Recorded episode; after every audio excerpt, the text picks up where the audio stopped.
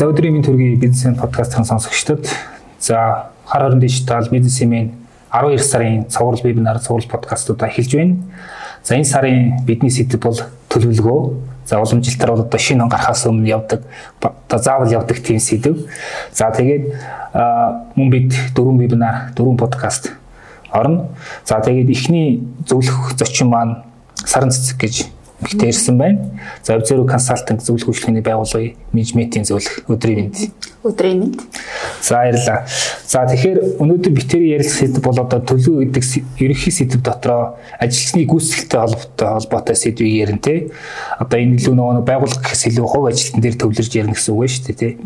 Тэгэхээр санц зөвлөх маань ерөөдөө яг хүний нөөцийн менежмент чиглэлээр аваар 15 жил ажиллаж байгаа ийм хүн байгаа. Хувийн хвшилт олон жил ажиллаж байсан. Тэгэхээр бол энэ асуудлыг ер нь гадралхаас гадна доторлдог ийм хүн байна. Дотор нь ажиллаж байсан. За тэгэхээр эхний асуулт яг уу юм байгаад байна. Одоо ажилтны гүйцэтгэл гэхээр эн чинь одоо нэлийн дээрээс доошлцсон байгаа төвшин байгаа даа шүү дээ. Тэгэхээр байгууллагын стратеги, бизнес төлөвлөгөө юу гэдгийг тэгэл сонгосон KPI, KPI-ийн хүрээнд л одоо ажилтны гүйцэтгэлийг төлөх төлөх гэдэг шүү. Тэгэхээр асуулт юу гэхээр ерөөхдөө яг ийм соёл ажилтны гүйцэтгэлийг ингэж үнэлдэг соёл ер нь манай бизнес дээр нь хэр их тийм сайн төлөвшөж чадсан бай тээ компаниуд болгон дээр аль хэр төвшөнд хэрэгждэг вэ гэдгээс яриад. Ажилтны гүйцэтгэлийг үнэлэх систем болвол нэлээд олон жилийн түүхтэй. Манай Монгол улсын томоохон компани тэгэл жижиг дунд бизнесүүд ч гэсэн бол гүйцэтгэлийн үнэлгээний системтэй явж байгаа. Энийг бид нар яаж авч үзчихсэн гэхээр хүний нөөцийн менежментийн нэг чиг үүрэг буюу функц нь өөрөө гүйцэтгэлийн үнэлгээний систем гэж явдаг байсан. Одоо энэ нэг 15 оноос 2015 оноос хойш гүйцэтгэлийн удирдлага гэдэг рүүгээ илүү их хэлбэж явж байгаа. Хуучин бол гүйцэтгэлийн үнэлгээний систем гэдэг бол ажилтнанд нэг төлөвлөгөө өгөөд Тэ? Тэр төлөвлөгөөгөө бол мэдээж хэрэг нөгөө байгууллагын бизнесийн төлөвлөлтөд тусагт сонгоод KPI үзүүлэлтүүдийг хангах хүрээнд нийж хийгээд ажилтнал руу буулгаад ажилтнанд за чи энэ сар энэ үйлрэл энэ жил те ийм ажлуудыг гүйцэтгээд энэ ажлынхаа үр дүнд ийм одоо зорилтуудад хүрсэн байна энэ зорилтод хүрсэн эсхий чинь одоо ийм гүйцэтгэлийн шалгуур үзүүлэлт хэмжигдэхүүнээр үнэлнэ гэдгийг нь өгөөд тэгээд араас нь нөгөө хүнээ тэр гүйцэтгэлээ гаргасан уу зорьсон үр дүндээ хүрсэн үү гэдгийг нь үнэлэх процесс явуулсан. За энэ бол 2015 он хүртэл ер нь бол Монгол улсын их байгууллага дээр ер нь явж исэн. Тэгээд зорилго нь жоохон өөр тийшээ хэлбэцсэн. Нөгөө их байгууллага нөгөө гүйцэтгэлийн үнэлгээний системээ аа нөгөө жоохон сэтэлжүүлэх гээд цалин урамшуулал нэмэгдэл цалин ч юм уу урамшуулттай холбосноос болоод яг тэр нэмэгдэл цалин олгохын тулд гүйцэтгэлийн үнэлгээний систем ажиллаад эхэлсэн. А гэтэл уул нь нөгөө гүйцэтгэлийн үнэлгээний систем маань өөрөө ажилтны хийгээд байгууллагын гүйцэтгэлийг сайжруулах цаашид өөрсдийгөө хөгжүүлэх, сайжруулах хэрэгцээг тодорхойлох зорилготой байхгүй юу? Тэгээд нэг зорилго нь жоохон өөр тийшээ хэлбэжсэн. За 2015 оноос эхлээд ер нь бол Монгол улсад ер нь энэ чинь гүйцэтгэлийн үнэлгээнээс илүүтэйгээр удирдлага руу шилжих хэрэгтэй юм байна гэдэг үзэл хандлагууд орж ирсэн. За Европт бол энэ чинь бол аль 1950 оноос шийдсэн л да. Тэгээд гүйцэтгэлийн удирдлага гэхээр үнэлгээнээс юугаараа ялгаатай юм бэ гэхээр а үнэлгээ бол одоо нөгөө улирлын өмнө жилийн өмнө өгчөөд улирлан дуусгаар жилийн дуусгаар л үнэлэх тухай Тэгэл үнэлэл 100 биш 70 60 80 100 110 ч байж болно тий. Сурагчийн хичээл үнэлж байгаа шиг тий. Яг нэг ингээд бид нар нэг шалгалт өгвөл нэг дүн авдаг тий. Тэгээ тэрний араас ямар нэгэн арга хэмжээ авдаг. За сайн байвал одоо шагнаж урамшуулдаг, альбом тушаал ахиулдаг. Эсвэл муу байх юм бол арга хэмжээ авдаг тий. Сэхлэх арга хэмжээ авдаг. Яг нэг ийм байдлаар яваад байсан. Гүйцэтгэлийн удирдлага болохоор яаж хандлага нь өөрчлөгдөд юм гэхээр тухайн ажилтнанд төлөвлөгөө өгсөн бол тэр төлөвлөгөөндөө хөрсөн байх нөхцөл боломжийг нь хангах, орчныг нь бүрдүүлэх, бүхий л дэмжлэг тусалцааг үзүүлж, эргэх холбоотой тасралтгүй удирдлага ажилд хоёр хамтран ажиллах замаар нөгөө төлөвлөсөн үр дүнг гаргах тухай асуудал байгаа байхгүй. Энэ өөрөө тасралтгүй хэрэгждэг бүр бүхэл бүтэн системийг хатах бүр процесс гэсэн үг тий. Төлөвл төлөвлөсөн бол төлөвлөснийхаа дагуу хийдэг бай. А хийснийх нь араас хянаж үнэлдэг бай. Үнэлгээнд дээр үндэслээд юу нь болоод ийн юу нь болохгүй вэ тий. Ямар чадвар нь агсан бэ? Ямар чадвар нь дутуу байна? Тэрийг олж хараад дараагийн удаа сайжруулаад дахин төлөвлөлөө. Ингээд нөгөө PDCA цикл чинь ингээд бүтэн эргэж авах юм үйл явц юм аа гэдэг рүү ер нь бол байгууллага шилжиж байна. Гэхдээ яг би ингээд ажиглаад тахад нөгөө хувийн байгууллагуудаар дандаа ажиллаж байсан учраас миний ажиллаж байсан байгууллагуудад хуучин гүйцэтгэлийн үнэлгээний систем явж ирснараа ажилтнууд ажиллаа төлөвлөө сурцсан. Тэ ямар ч байсан байгууллага, алба нэгжүүд Тэгээд тэр ажилтан ажиллаа төлөвлөдөг. Төлөвснийхаа дагуу ямар ч байсан гүйцэтгэлээ өөрийнхөө гүйцэтгэлийг үнэлдэг. Тухайн хүний удирдлага нь тэр хүнийг үнэлэх ёстой гэдгээ үүрэг хариуцлага ухамсарлаа тэр хүнийхээ гүйцэтгэлийг үнэлдэг. Тэр систем бол өөр ингээд тогтоодогдсон давуу тал байна. Одоо тэрийг энэ хоёрын хамтын ажиллагааны үндсэн дээр байгууллагын хийгээд ажилтны гүйцэтгэл ур чадвар сайжирдаг байх тэр тал руу ингээд одоо эргэх холбоотой хамтын ажиллагааг үүсгэж эхлэх юм бол байгууллагад бол одоо гүйцэтгэлийг удирдах бүрэн боломж бүрдчихэд байгаа байхгүй. Тэгээ энэ л бас манай томоохон байгууллагууд нэлээд шилжиж байна. За тэгэхээр үнэлэх гэж ярихаас илүү одоо удирдах гэх удирдах гэдэг нь онцтой болчихлоо болоо явчлаа шүү дээ тий. За тэгвэл ажилтны гүйцэтгэлийг удирдахад ер нь яг уу за мэдээж KPI байна тий. А гэхдээ ер нь яг удирдахад тэр гол анхаарах зүйлс гээд одоо тим тимгээд хэлүүлээд тоочод хэлүүлээ өвчих үү. Ажилтны гүйцэтгэлийг удирдахын тулд нэгдүгээр нэг юм юу байгаа бид рүү нөгөө энэ PDC-ээр ирдэг үйл явц юм а гэсэн тий. Нэгдүгээрт байгууллага өөрөө өөрийнхөө алсынхаараа эрхэм зорилгыг тодорхойлцсон түн лүгээ чиглээд жил болгоныхоо бизнес төлөвлөгөөч гэдэг үйл явцны төлөвлөгөөг гаргаад ер нь бид нар энэ жил энэ жил яг ямар нөхцөл байдалтай байгаа юм эх жил бид нар энэ нөхцөл байдлыг яаж өөрчилж сайжруулад ямар үр дүнд хүрсэн байх юм бэ гэдгийг тодорхойлох.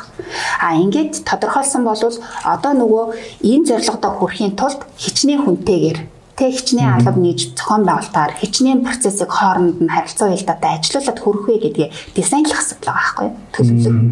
А тэгэнгүүт чинь одоо энэ зорилт төлөвлөгөөнд хүрэхийн тулд энэ энэ процессыг хоорондоо уялдаатай ажиллах хэрэгтэй юм байна. Тэгвэл энэ процессыг хэн ажилуулах юм? Хичнээн хүн ажилуулах юм тий? Энэ процессд хүмүүс яаж яаж оролцох юм?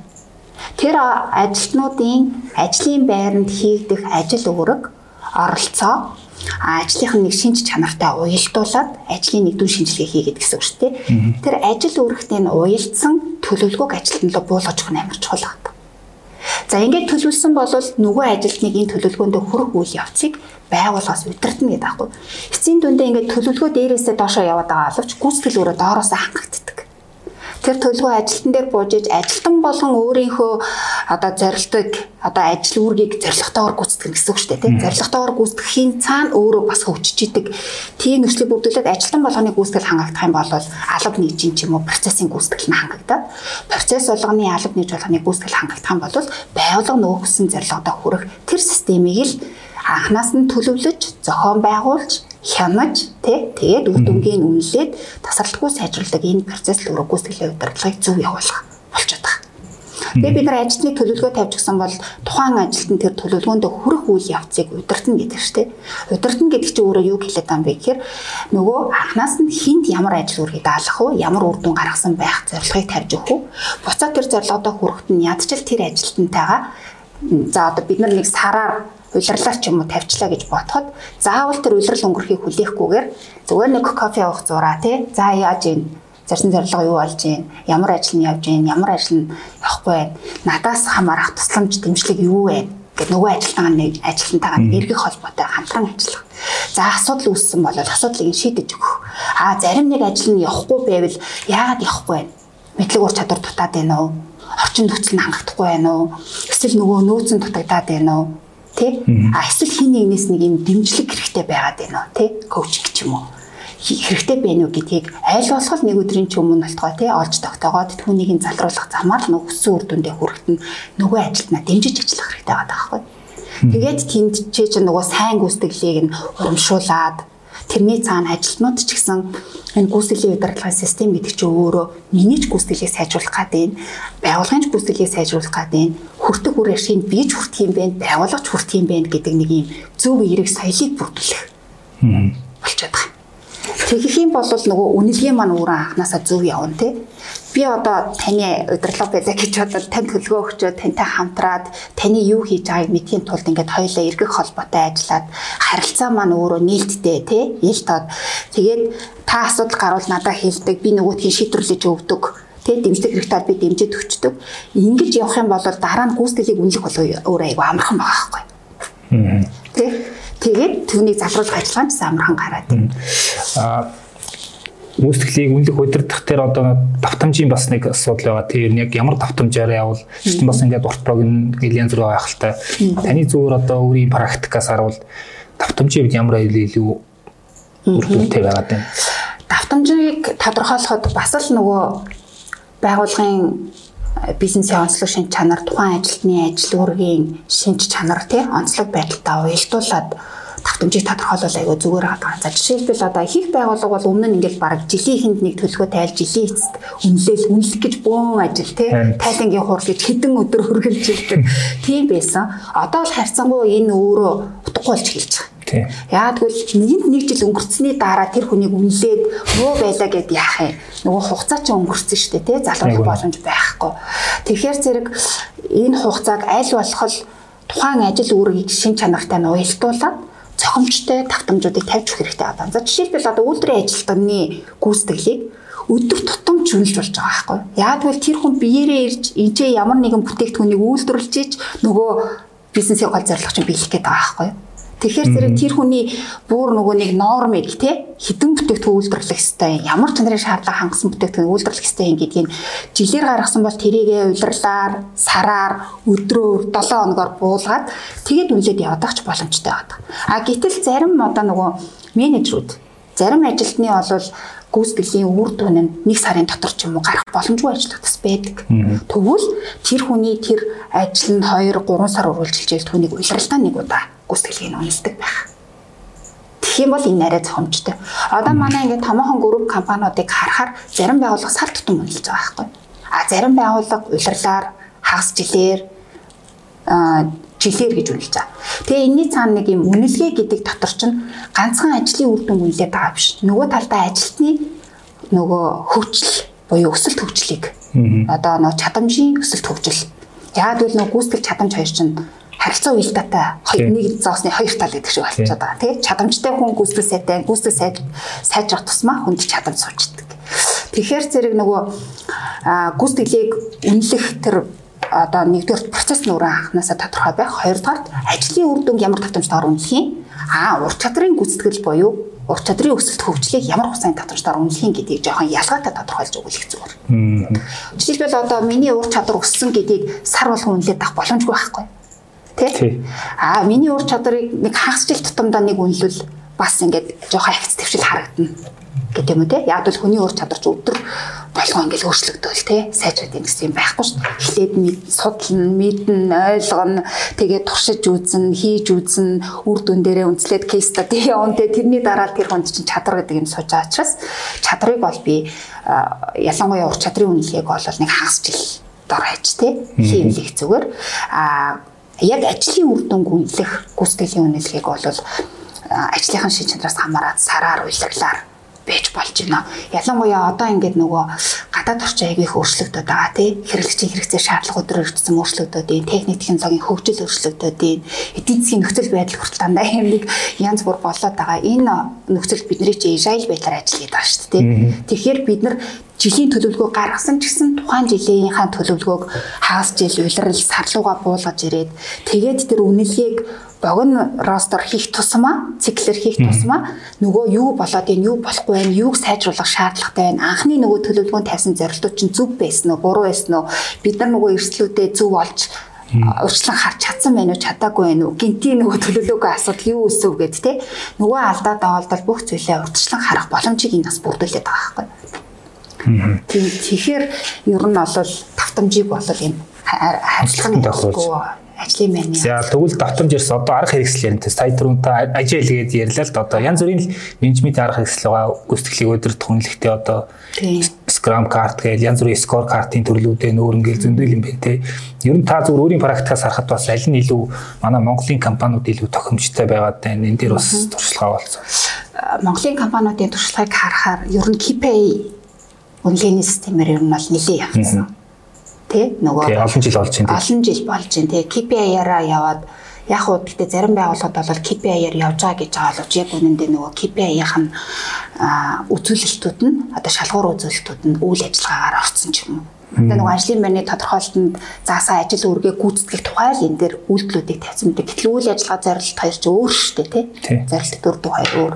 Үйл ажиллагаа бол илүү их үйлдэлүүдийг заана. Тим юм хийсэн байх, тим юм боловсруулсан байх, тим юм одоо юмыг хийж гүйцэтгсэн байх ч гэдэг юм. А гэтэл нөгөө зорилго зорилт чинь бол одоо байгаа төлөв байдлыг ямар нэгэн байдлаар өөрчлөх тий эрэг үзүүлэлтүүдийг сайжруулах, сөрөг үзүүлэлтүүдийг бууруулах ч гэдэм үү, эсвэл байхгүй зүйлийг бий болгох ч гэдэм үү тий. Ингээд нэг ямар нэгэн өөрчлөлтийг бий болгоход чиглээд байна. Тэгэнгүүт нөгөө гүйцэтгэлийн удирдлагад дээр гүйцэтгэлийн удирдлагыг хэрэгжүүлэхэд яг уу манай их их байгууллага KPI-г гэрчлээд байгаа юм. Ахаад нөгөө талдаа MBO-г гэрчлээд байгаа. Нөгөө зорилгоор нь өдөртөх тийм зорилгуудыг тодорхойлж тавиад тэрийг доошоо буулгаад ингээд зорилгоор нь өдөртөх байдлаар сүүлийн үед болохоор OKR-ыг бас их ашиглаж байна тийм.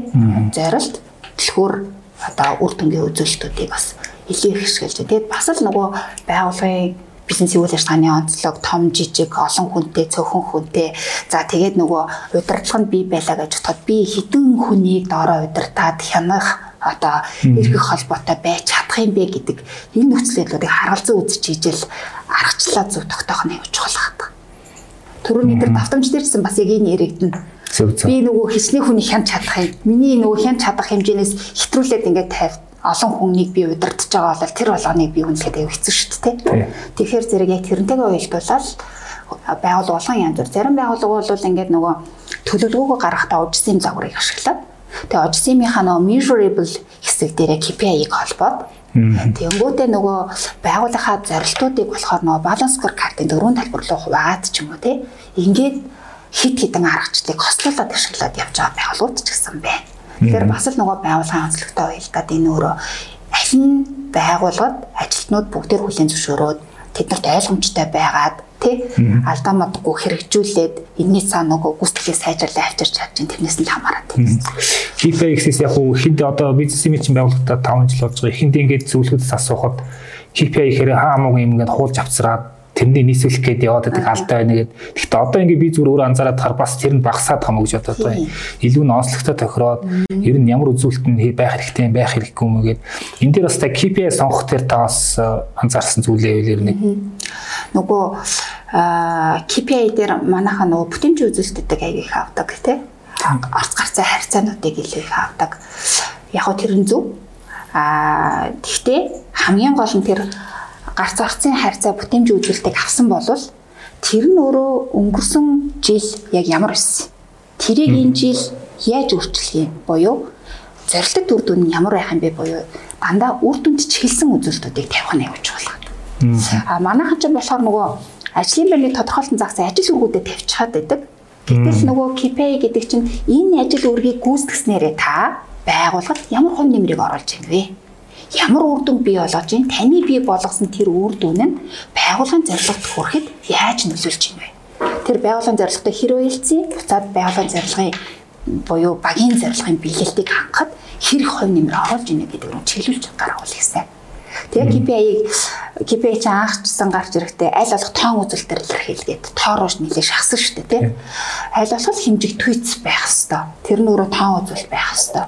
Тэгээд тоон үзүүлэлтээр хэмжигдэж боломжгүй байгаа зүйлүүдийг чанарын үзүүлэлтээр тий шаардлууд тавьж өгөөд энэ шаардлага хангасан байх цаар гэж тавьж өгөөд за тэгээд нөгөө байгууллага дээр чинь тоогоор хэмжигдэхгүй чанарын үзүүлэлтээр хэмжигдэхгүй болонгууд хугацаагаар хэмжээд ингээд явсан тий. Тэгэхээр зэрэг ер нь бол KPI гэдэг бол илүү үр дүнд чиглэсэн үзүүлэлтүүд байна. Үр дүн нь илүү байгууллагын зорилгод хүрэхэд гүйцэтгэлийг сайжруулахад оруулсан хувь нэмрээр тодорхойлогддог байл. Тэгэхээр эн чинь нөгөө ажилтан анханасаа ажил үргээ гүйцэтгэхдээ зорилготой тий тэр нэг үр дүнд хүрэх тэр KPI үзүүлэлтийг хангах хуйцаар өөрийнхөө ажлыг удирдан зохион байгуулах бүр ингээд детальчилж үйл ажиллагааны төлөвлөгөөгөө гаргах. Тэгээд тэр үр дүн гаргах нь байгууллагадаа оруулж байгаа хувь нэмрээ өөрөө мэдрэх. Тий буцаад дараагийн удаа гүйцэтгэлийг сайжруулахын тулд. Эсвэл одоо гүйцэтгэлийг энэс илүү яаж байлгаж болох вэ? Гүйцэтгэл сайжрах тусмаа миний хүртэх үр ашиг юу вэ гэдгийг мэдэрдэг байх нь л аюулж болох байгаа байхгүй. Тэгэхээр одоо нөгөө гүйцэтгэлийг удирдахад гол оролцогчд маань нөгөө менежерүүд байгаа шүү дээ. Дунд түвшний менежерүүд. Энэ хүмүүсээр нь яг энэ хүмүүсийн хувьд яг тэр гүйцэтгэлийн удирдлага гэдэг ойлголт яаж буух хэвээр юу чухал вэ те. Одоо гол тэр нэг яг байгууллага ингээд амар гой зорилго алсын тодорхойлоод тэр чинь ингээд менежерүүдээр бууж ээж ажилтнуудаас тэр чинь одоо өгдлөд цуглуулж ээж ингээд одоо ажил босч ирэн те. Тэгэхээр менежерүүдийн хувьд тэр та юу хэлэх вэ? Юу анхаарах хэвээр вэ? Аа яг яалтчгүй нөгөө дончны менежерүүд бол энэ дээр бас амар чухал үр өгүүлэлт гүйцэтгэж байгаа.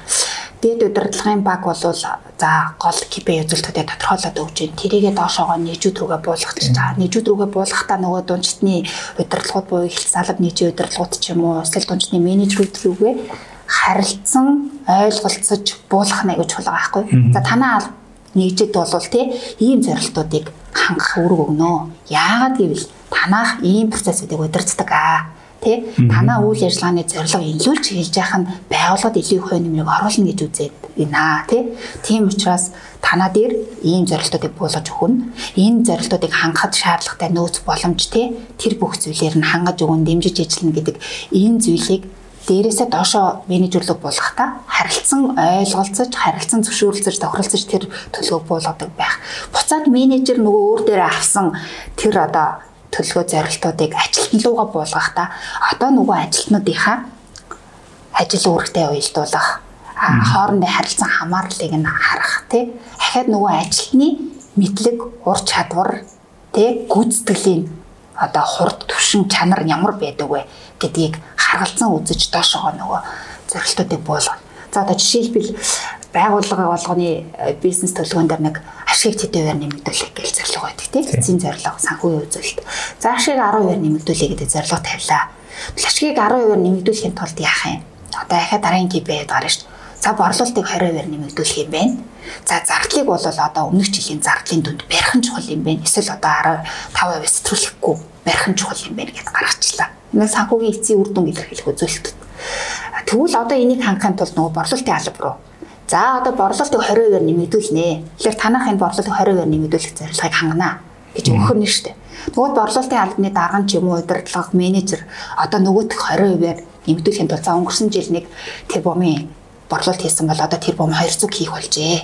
За тэгвэл тэр бом 200 хийхийн тулд одоо нөгөө борлуулалтын сувгаараа нөгөө бүтээгдэхүүнийхаа нэр төрлөөрөө ч юм уу тий? Эсвэл одоо нөгөө бүсчлэлээр нь ч юм уу одоо нөгөө борлуулалтынхаа бүтцийг судалж яагаад За аль борлуулалтын сувгаас аль бүтээгдэхүүний нэр төрлийг илүү ихэвчлүүлж өгснөөрөө борлуулалтын 20%-ыг бид нэмэгдүүлэх боломж байна гэдгийг уялдуулад за тэгээд одоо яста нөгөө брэнд хариуцсан менежерүүд рүүгээ сувг хариуцсан менежерүүд рүүгээ ч юм уу те нөгөө зорилтуудаа хувааж За одоо та одоо би жишээлбэл A бүтээгдэхүүний хариуцсан брэнд менежер гэвэл за чи брендийнхаа яг өөрийнхөө хариуцсан брендийн борлуулалтыг тэтгэвээр нэмэгдүүл тий 30%-аар нэмэгдвэл тийм потенциал нь байгаа. Яг гэвэл чиний брэнд чинь орж ирээд одоо яг танигдaltaй шатанда явж байна ч юм уу тий.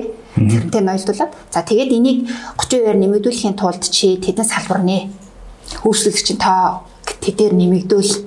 За энэ борлуулалтыг хийх үйл ажиллагааныхаа зардлыг нийт борлуулалтынхаа одоо 45%-аас төлөхгүй ч юм уу тий. Бүр ингэж тодорхой өгмөр байхгүй. Тэгэх юм бол нөгөө хүнд бүр ингээд нөгөө өөрийнх нь гүйцэтгэлийг үнэлэх үзүүлэлтүүд тодорхой ороод ирвэл нөгөө хүн одоо яах юм? За би борлуулалтаа 30%-аар нэмэгдүүлэхийн тулд гэд тий. Одоо нөгөө нэр төрлөөрөө задлах, харилцагчаараа задлах тий. Аль харилцагч илүү их одоо татан худалдаа авалт хэмжээг нэмэгдүүлэх боломжтой. За хичнээн ямар харилцагч нээхийн тэр нь өөрөө зах зээлийн ямар сегментээс орж ирэх ёстой юм ч юм уу тий. Ингээд нөгөө хүнд чинь үүрэг хариуцлага үр дүнгийн үзүүлэлт орж ирэхдээ зэрэгцүүлээд нөгөө хүн өөрийнхөө эцсийн албаны өөрийнхөө хариуцсан ажлыг бүр ингэж задлж менеж хийх боломжтой болж байгаа байхгүй. Тэгээ нөгөөд чинь нөгөө жилийн төлөвлөгөөг чи өстой нөгөө сараар нь 7 хоногоор өдрөөр нь тавиад, сувгаараа тавиад, бүтээгдэхүүн нэр төрлөөрөө тавиад тий. Тэгээд ингээд бүх үйл ажиллагаагаа уялдуулаад өөрөө төлөвлөд өөрөө менеж хийгээд тэгээ энэ ажилтнанд ч гэсэн энэ ажлаа гүйцэтгэхэд шаардлагатай эрх мэдлийг ч олох хэрэгтэй байгаа байхгүй. За ингэх юм бол нөгөө ажилтнанд хүрэх цэг нь тодорхой. Яаж хүрэх эрх одоо эрх мэдлийг нөхцөн шаардлагатай нөөцөөр хангаад өчөд тухайн хүн бол хичээгээд хурж болох үз тэр зорилт руу бол үнэхээр хичээдэг. Аа тэгээд тэрийг хамгийн гол нь хөрсөн тэр зорилт чинь өөрөө гүйцэтгэл чинь өөрөө багийн одоо нөгөө борлуулалтын хэлцийн гүйцэтгэл тэгээд бүр компани гүйцэтгэлд хэр хувь нэмрийг оруулах вэ? Хэр нөлөөтэй вэ гэдгийг ажилтнанд ойлгуулах. Тэгхийн бол ажилтан өөрөө хүлээн зөвшөөрсөн бол яг түүний төлөө хичээдэг, чармайдаг тий. Яаж иж байгаа тэний ард гарах ёстой гэдэг юмыг авч хараа хүн чинь одоо асуудал толгорвол надад ийм асуудал тулгарлаа шийдэдэг өгч гэж удирдлага руугаа ханддаг болдог. Эсвэл энэ борлуулалтыг нэмэгдүүлэхийн тулд ийм шин сан санаачлага надад байна гэж хэлдэг болдог тий. А тэгээд буцаад нөгөө удирдлагын түүнийг дэмжиж ингээд ороод ирэхээр нөгөө удирдлагатай харилцах харилцаа сайжраад энэний цаана нөгөө сэтгэл ханамж ажлаасаа нөгөө авах кайф гэдэг тий тэр зүйлээ өөрөө мэдрэх боломж нь бүрддэг. Тэгэхээр энийг бол ингэж дээрээс нь доош нь зөв болгох нь л аягүй чухал байгаа. А манайхан чинь алдаад байгаа нэг ялангуяа жижиг дунд бизнес эрхлэгчдэр алдаад байгаа зүйл нь төлөвлөгөөгөө анханасаа байгуулахад төлөвлөгөө гаргахдаа нэгжүүдийг төлөвлөгөөгөө гаргаад хэлчихдэг. Нэгжүүд нь ажилтнуудаа гаргаад өгөх гээ. Тэгээ ажилтнуудаа төлөвлөгөө нийлүүлээд нэгжийн төлөвлөгөө гэж гаргаж өгөөд нэгжийн төлөвлөгөөг нийлүүлэнгүүтээ байгууллагын бизнес төлөвлөгөөг гаргаж байгаа байхгүй. Тэгэхээр тэр нь өөрөө өнгөрсөн жилийн төлөв байдлыг хэр сайн өөрчлөх юм бэ? Бизнесийг яаж тэлэх гээд байгаа, яаж хөгжүүлэх гээд байгаа, тий ямар үр дүнг бий болгох гээд байгаа юм бэ гэдэг тодорхойг болчдөг танаас одоо эх жил яг юу хиймээр гэвэл та нэг их зоохгүйгээр үндсэн ажиллаад гүйцэтгэж агаал өнгөрсөн жилийн гүйцэтгийг чүт чүт дахиулаад тэгээд тавьчин тий. Байгууллага зорилго энэ нэг хамаагүй тий. Тий. Тэгээ би тэр зорилгоор биелүүлж ивэл болоо гэдэг өнцгөөс тэр харагдаж байгаа байхгүй гаргаж байгаа байхгүй. Нэг ч гэсэн нөгөө ажилтнуудынхаа л нийлүүлсэн юмар авчиж байгаа юм чинь манай нэгжил энэ зорилгоудаа биелүүлж тэр бусад нэгж яах байгуулгын зорилго хүрэх хэсэх бол нэг чухал биш болчтой. Нэгжийн зорилго дээрээ төвлөрүүл. За энэ чинь цаана нөгөө хэлсэн нэгжүүд чинь хоорондоо харилцаа уялдаатай ажиллах байдлыг сулраал асуудал үүсвэл манай танаа чиний миний би хэлсэн хэлээгүй чи надад өгсөн өгөөгүй гэдэг тэр асуудлууд үүсчихэд байгаа. Тийм учраас нөгөө төлөвлөгөө гэдэг бол дээрээсээ доошоо буух хэрэгтэй шүү. А гүйцэтгэл бол доороосоо дээшээ явах тэр нөхцөлийг хангаа. Мэдээж хэрэг төлөвлөгөөг дээрээсээ доошоо буулгахын тулд эхлээд байгууллагын төлөвлөгөө гарна. Гэхдээ тэрэн дээр ажилтнуудаас сайжруулах саналыг авч болно шүү. Тэ? Цаг санаачлалыг дэмжих хөтөлбөрийг хэрэгжүүлээд ч юм уу. Тэгхийн бол яг фронт дээр ажиллаж байгаа хүмүүсээс яг үйл ажиллагааны түвшинд юу сайжруулах хэрэгтэй бэ нэ тэр нь ямар үр дүн авчрах гэдэг нэ гэдэг гой саналууд бол гарна. Тэр бол авахыг зөвшөөрнө. Гэхдээ байгууллагын төлөвлөгөө гарч иж доошоо байх хэрэгтэй шүү. Тэгэхээр одоо бас нэг юм асуудал байгаа баг ингээд зорилго тавьчихдаг те. А гэтэл ингээд зарим хүн ингээд нэг буруу ажил хийгээд байгаа юм шиг тийм нэг байгаад шүү дээ. Тэгэхээр яг тухайн ажил дээр ингээд ур чадвар одоо потенциал нь бүр хэрэгжихгүй гэсэн өөр нэг ажилд ингээд яачвал тэнд илүү тохирсон байх ч юм уу. Тэгэхээр нөгөө нэг зөв хүнийг зөв ажлыг хийх гэдэг бас нэг чухал юм байгаа тийм. Тэрийг яг одоо таних яг зөв одоо хоноох тийм ямар нэг түүл байна уу? Энд дээр бас гүйцэтгэлийн удирдлага дотор бас энийг авч үзэж байгаа. Нөгөө гүйцэтгэлийн удирдлага чинь төлөөлөөд энэ чинь хэрэгжүүлэхэд нь бүх талаар дэмжиж ажиллаад орчны нүсгээд тэгээд нөгөө үнэлгээ хийх явцдаа ажилтан болгоны мэдлэг ур чадрын түвшин өөр. Ажлыг гүйцэтгэх чадвар нь өөр. За тэгээд тэр хүн одоо нэг нэгтлэн бодгочоор төвсөд ирсэн бол нэгтлэн бодох бүртгэлд дуртай гэсэн үг бас биш болж байгаа байхгүй. Мэргэлээрээ төвсөн, мэргэлээрээ ажилласан туршлагатай. Гэхдээ тэр хүний бас нөгөө хүссэн, бүр жаргаж хийдэг ажил нь биш байх магадaltaй байхгүй яагаад хүмүүс ингэ ажлын талбар дээр гаргав энэ миний сонгосон мэрэгжил миний одоо төгссөн мэрэгжил миний одоо хүссэн мэрэгжил биш юм нэ гэдгийг ойлгоод дараагийн өөр мэрэгжил рүү шилжээд байгаа юм тий Тэгэхээр энэний цаана нөгөө ажилтны гүйцэтгэл юун дээр илүү сайн гараад юун дээр илүү унаад ийна гэдгийг олоод харчвал энэ хүний давуу тал нь ерөөсөө энэ юм бэ. Энэ хүний гол потенциал нь өөрөө энд байна.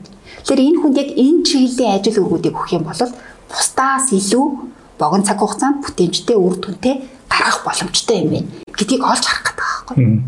Тэгээ энэний чинь цаана одоо нөгөө талан биш мэт бас явах гэдэг шүү дээ. Тэ энэ хүн юун дээрээ илүү давуу талтай байна, юуг илүү бусдаас илүү чадаад байна гэдэг дээр нь үндэслэж тухайн хүнд ажил үргийг хуваарлах. Тэр чинь одоо нөгөө тухайн хүнийг зохистой газар нь зохистой ажлыг гүйцэтгүүлж тэндээс илүү үр дүн гарна. Би магадгүй хүнтэй харилцах тал дээр амар чадвартай Тэгсэн юмний би нэгтлээ игээд байгаа. Тэгвэл миний одоо тэр нөгөө харилцааны чадварыг удирдлага олж харуул одоо аль болох намайг тэр үйлчлүүлэгчтэй харилцдаг те борлуулалт дээр үйлчилгээ дээр эсвэл одоо тэр хэрэглэгчийн үйлчлэгийн дээр ч юм уу те авчи тавих юм бол би магадгүй нэгтлэнгийнхаа ажлаас илүү их үр дүн бинчээ гаргаад байгууллагад илүү их хувийн оруулаад тэндээсээ өөрөө бас сэтгэл ханамжтай болоод те тэгээд ингээд доктор сурчлалтай ажиллах боломж нь бүрдэх магадaltaй аахгүй. Тэгээ энэ дээр нөгөө Deloitte гэх компани гэдэг шүү дээ. Баруун үндэстэн дамсан корпорац шиг үйл ажиллагаа явуулдаг. Маш олон улс оронд маш олон аудитор зөвлөгөөдөө байршуулж ажилладаг. Тэгээд нэгдсэн менежментээр явдаг. Тэнгүү тэдний нэг кейс сентлаар би яг уншиж ирсэн. Тэгээд тэдний болохоор яаж исэн гэхээр нөгөө өөрөөр улс оронд олон янзын хүмүүсийг ажилуулж байхдаа үнэлгээ нөгөө гүйцэтгэлийн удирдлагын систем нь гүйцэтгэлийн үнэлгээний системээр явдаг. Тэгээд бүгднгийн жил үнэлгээгээр үнэлдэг цалингүй сурамшууллын тогтолцоо нийтлэхэн байсан. Гэтэл яг нөгөө өөрөөр улс оронд очиод ажиллаж байгаа хүмүүсийн хувьд бол тухайн улс орны шин чанар Тэгээд дээр нь тухайн улс орны эдийн засгийн үнэлэмж нөхцөл байдал гэдэг. Тэгээд нөгөө аудитор ажиллах зөвлөг үйлчлэгээ үзүүлэхэд учирч байгаа сад бэрхшээлүүд бүр ингээ харилцан адилгүй байгаа таахгүй зарим улс оронд бол маш их ажлыг маш их сад бэрхшээлийг даван туулж иж арай гэж гүйцэтгэлийг гаргахад нөгөө талд ингээд нэг юм процедураараа яваал гүйцэл гаргаж байгаа хүнтэй ижил цалин авдаг ч юм уу тий. Эсвэл зарим улс оронд бол нөгөө хөдөлмөрийн хөлсний үнэлгээ нь өөрөө бага байдаг. Тэнгүүд тэрэнд нь харуулад үнэлгээ нь бага. Тэгтэл хоёр талд хийж байгаа ажил адилхан байгаад байдаг ч юм уу. Тэгээ иймэрхүү асуудлаас болоод нөх хүний нөөцийн шигчэд хөдөлгөөн нэлээ ихсээд тэгээд энийг олж харангуудаа Deloitte-ийн яасан хэрэг гүйцэтгэлийн удирдлагын систем рүү шилжээд тэгээд энэн дээрээ манай гүйцэтгэлийн удирдлагын систем бол гурван зүйлийг шийдвэрлэхээр төвлөрнө гэж зарласан гэдэг байхгүй. Тэгээд эхнийх нь болохоор тухайн хүмүүс хүн болгон өөрөө харилцаа адилгүй юм байна. Тийм ч бас тухайн хүний гүйцэтгэлийг нэгдүгээр хүлийн зөвшөөрөх нь чухал юм байна. Хоёрдугаар тэр хүний гүйцэтгэлийг нөгөө оновчтой шудраг ил тод нээлттэй зөв үнэлж дүнэн шинжилдэг байх нь чухал юм байна. Гуравдугаар гүйцэтгэлийг нь сайжруулах зорилтуудыг тэр хүнд өгдөг байх нь чухал юм байна. Гэт ингээд гаргаж ирээд тэгээд энэ гүйцэтгэлийн удирдлагын системийг нэвтрүүлж энэ гурван асуудлыг шийдснээрээ нөгөө хэвийн үйл ажиллагаа хангаж чадсан гэдэг юм кейс байгаа. Фокусын цэгийг өөрчилсөн шүү дээ. Тэгсэн. Тэгэхээр одоо нэг ганц хоёр асуулт үлдлээ. Нэг нэг том асуулт нь юу байгаа гэхээр за одоо ингэж яг хуу байгууллага стратеги гайгүй сайн стратеги боловсруулад зорилго зорилтуудаа тодорхойлоо жилийн төлөв интерес сайхан гаргаад ирлээ тий. Тэгээд доошо бууж шít одоо түрүүний хэлсэн шиг. А гэтэл одоо ингээд тааш гисэн мэдж байгаа ингээд манай зах зээл манай эдийн засгт ингээд нөгөө нэг тухайн байгууллагын зорилт болон тэрийг гүйцэтгэх одоо тэр нөгөө ажилчдын чадамж, ур чадрын одоо зөрүү амар их байгаа даа нэг яг нэг тэр орч уулзахгүй айгүй хэцүү шүү дээ. Ингээд байгууллагын тоо тавьдаг. Гэтэл яг тэр ажлын байр тохирох тийм ур чадвар маш хомс болчиход байна тий. Тэгэхээр нөгөө сургалт төвшин төлөв гэдэг маань зүгээр нэг ингээд хэдэн сургалт жагсаагаад хэдэн зөвлөх авцраа яач тийм биш юм стратегийн том асуудал болчиход байна л да. Тэгээд нөгөө талаас бас эдийн засгийн хүчин зүйлс байгаа нөгөө цалин хөлс мөсгээд тэгэхээр ер нь яг энэ гэпийг яаж ойртуулах вэ те? Эсвэл тэр одоо байгууллага тэр стратеги хэмиг одоо ажилтнаа тохируулах ч одоо хайшаа чинь те. Зүгээр энэ тал дээр та анзаарсан зүйл ярил. Байгууллага өөрөө төлөвлөгөөгөө гаргахдаа ингээд гой зориг зарилтууд нь хүслийн жагсаалт биш шүү дээ тий. Хүслийн жагсаалтаа гаргачаа тэрийг нэг хугацаагаар хязгаарлаад дараа нь өөрийнхөө нөөц боломжтой тулгуурлаад нөөц боломжтой уялдуулаад хязгаарлаж ийж нэг тухайн жилд хүрэх зорилтуудаа гаргаж ирж байгаа шүү дээ. Тэгжиж зорилтолж байгаа. Тэгэнгүүт а ялцчгүй тэр нөгөө өөрийн нөөц боломж гэдгийн цаана хүний нөөцийн мэдлэг чадвах байгууллагын бизнесийн ноу хав буюу байгууллагын мэдлэг үүрэг хэр сайн хоригдож чадсан юм бэ? Байгууллагад ямар ур чадрын сан байгаа юм бэ гэдэгтэйг ойлдуулж бизнесээ төлөвлөх тухай асуудал гарч байгаа. Тэгэнгүүт ингээд яг л ийм мэдлэг ур чадвартай төчний хүн бэжж манай бизнес ингэж явах гээд байна гэд хүний нөөцийн төлөвлөлт хийж байгаа шүү дээ. Одоо ажил хүчний төлөвлөлт чи стратеги ажил хүчний төлөвлөлт, орон тооны төлөвлөлт, үйл ажиллагааны төлөвлөлт ингээд гурван янзаар гаргадаг боллоо. За тэгэнгүүт Яалтчгүй нөгөө хөдөлмөрийн зах зээл дээр ажиллах хүчний хомсдол үүсцээ. Яг одоогийн ийм нөхцөл байдалд бол нөгөө шаардлага хангасан хүний олж авахд үнэхээр бэрхшээлтэй байгаа. Тий, хүний олон тогтоонд үүдэн бүр илүү зардалтай болчихсон. Тий, одоо тэгээд нөгөө авъя гэсэн хүн байхгүй. Одоо би биенээсээ баг хүнийхээ хаантан хийж аваад байгаа байхгүй. Тэгэхээр зэрэг одоо ингээд зарим байгууллагыг харахаар одоо нөгөө ажиллах хүчин гэдэг дотор ордоггүй нөгөө бусад бүлгүүдээс хүмүүсийг татчихна. Хөгжлийн бэрхшээлтэй иргэдэг аваад нөгөө гурван хүн ажиллах байсан ажлын байрыг 6 болгоод ажлын цагийг нь одоо хагас хагасаар зохицуулдаг ч юм уу тий. Тэгээ хөгжлийн бэрхшээлтэй хүмүүсээс 6 хүн авч ажилладаг ч юм уу. Эсвэл нөгөө тэтгэврт гарсан тэгсэн хэрний хөдөлмөрлөх боломжтой байгаа тэр хүмүүсийг авч ажилладаг ч юм уу тий. Иймэрхүү байдлаар ингээд их усүрээ жоохон өөрчлөөд ингээд ямар нэгэн байдлаар нөгөө хүнтэй бижиж ажил явах гээд байгаа учраас тий. Нэг тийм тал руугаа явж байна. За одоо нөгөө нэг одоо мэдлэг ур чадвараа бид нар чи ихлээр шаардлага тавьчаал энэ шаардлагыг хангасан үнийг авна гэдэгс одоо бүр буцсан штэ. Тэрснийг нь баг авахгүй. Тий Одоо бол үнэхээр ингээд хүн олдохгүй байгаа учраас ирсэн хүний нөгөө нэг сонгон шалгаруулалтын процесс чинь 4 5 үе шаттай байдаг чинь одоо ер нь нэгээс хоёр шаттаар авдаг болж байна. Тэгээ хүн байхгүй байгаа учраас. Тэгэнгүүт одоо тэр чин дагаад яалтчгүй нөгөө хүмүүсээ хүмүүс нөгөө гэп гарцсан байгаа, зөрүү гарцсан байгаа тэр мэдлэг ур чадрыг нөхөж олгох.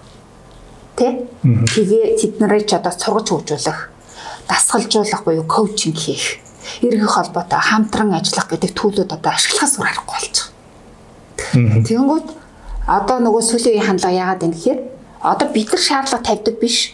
Анханасаа нөгөө нэг мэлүүр шадрын шаардлагуудаа тавихтаа ахаад нөгөө хөдөлмөрийн сэтгэл дээр нийлүүлэгдэж байгаа тэр ажил горилагч нарын одоо боломжит ажил горилагч нарын юу хүсэж байна вэ? Тэ тэрнийг нь харгалзан үзэж бид нар саналаа тавьдаг болчиход байгаа юм. Тэгэхээр чин тэр хүмүүс чин нөгөө өөр өөр төвшний хүмүүс байгаад байгаа учраас тэр хүмүүсийн яг л одоо нөгөө бидний ашиглаж болох мэдлэг ур чадвар нь юу байна вэ? Тэр хүнд хуримтлагдсан гол туршлага юу байна вэ? Тэрийг л бид нар яаж бүр ингэж тултална ашиглах замаар нэг талаасаа гүйцэтгэлээ сайжруулах гэдэг. А нөгөө талаасаа энэ хүнд байгаа тэр мэдлэг ур чадварыг нөгөө нутагшуулах буюу мэдлэгийн менежмент эмээ цан яваад байхгүй. Энэ хүн яагаад тусдаас илүү чадаад байгаа? Тэр зүйлийг одоо бусад хүмүүс рүү шилжүүлэх залхамжлалыг нь бэлддэг юм уу? Багаар ажилуулдаг юм уу? Тэ? Тэгээд энэний цаана байгууллагын мэдлэг рүү бас ингэж нөгөө шин мэдлэгүүдийг нэмж баяжуулдаг. Тэгээд тэрийг нэг юм цогцтойгоор ашигладаг тий.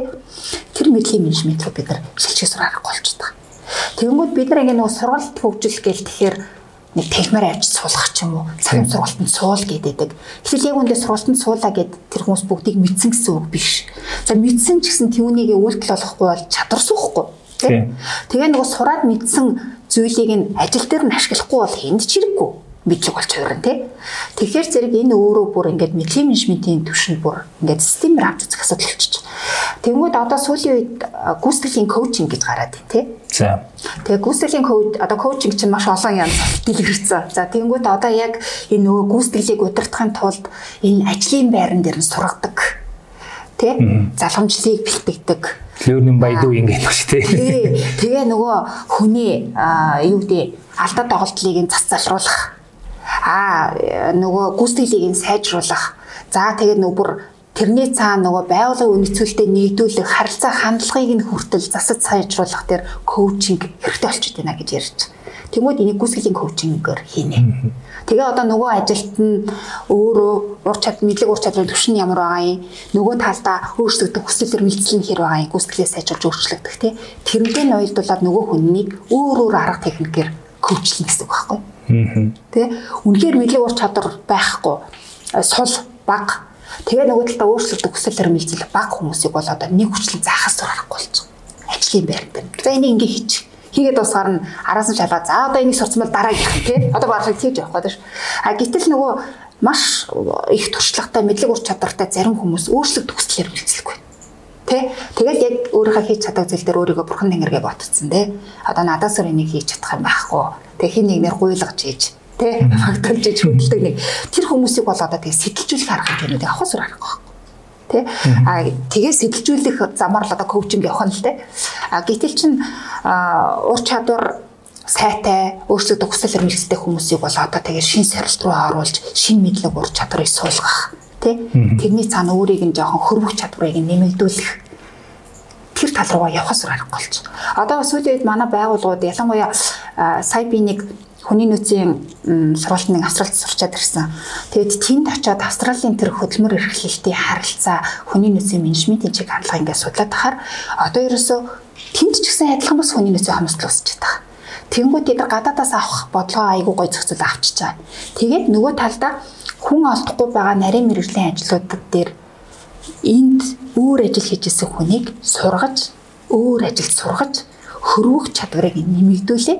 Тэрний чинь цаана нөгөө ажил нь үнэлэмж өсөж байгаа, цалин өсөж байгаа. А тэнгуүтээ нөгөө дутуу байгаа ур чадвараа нөхөг арга хэмжээнд аваад байгаа. Одоо ясна дотоод их усөрөө бүрэн ашиглах тал дээр илүү ажиллаж байна. За за тэгэхээр менежментийн талаар яриад ирвэл дуусчихгүй. Мяга нэг шинэ хөлөөр болно гэх тийм ээ.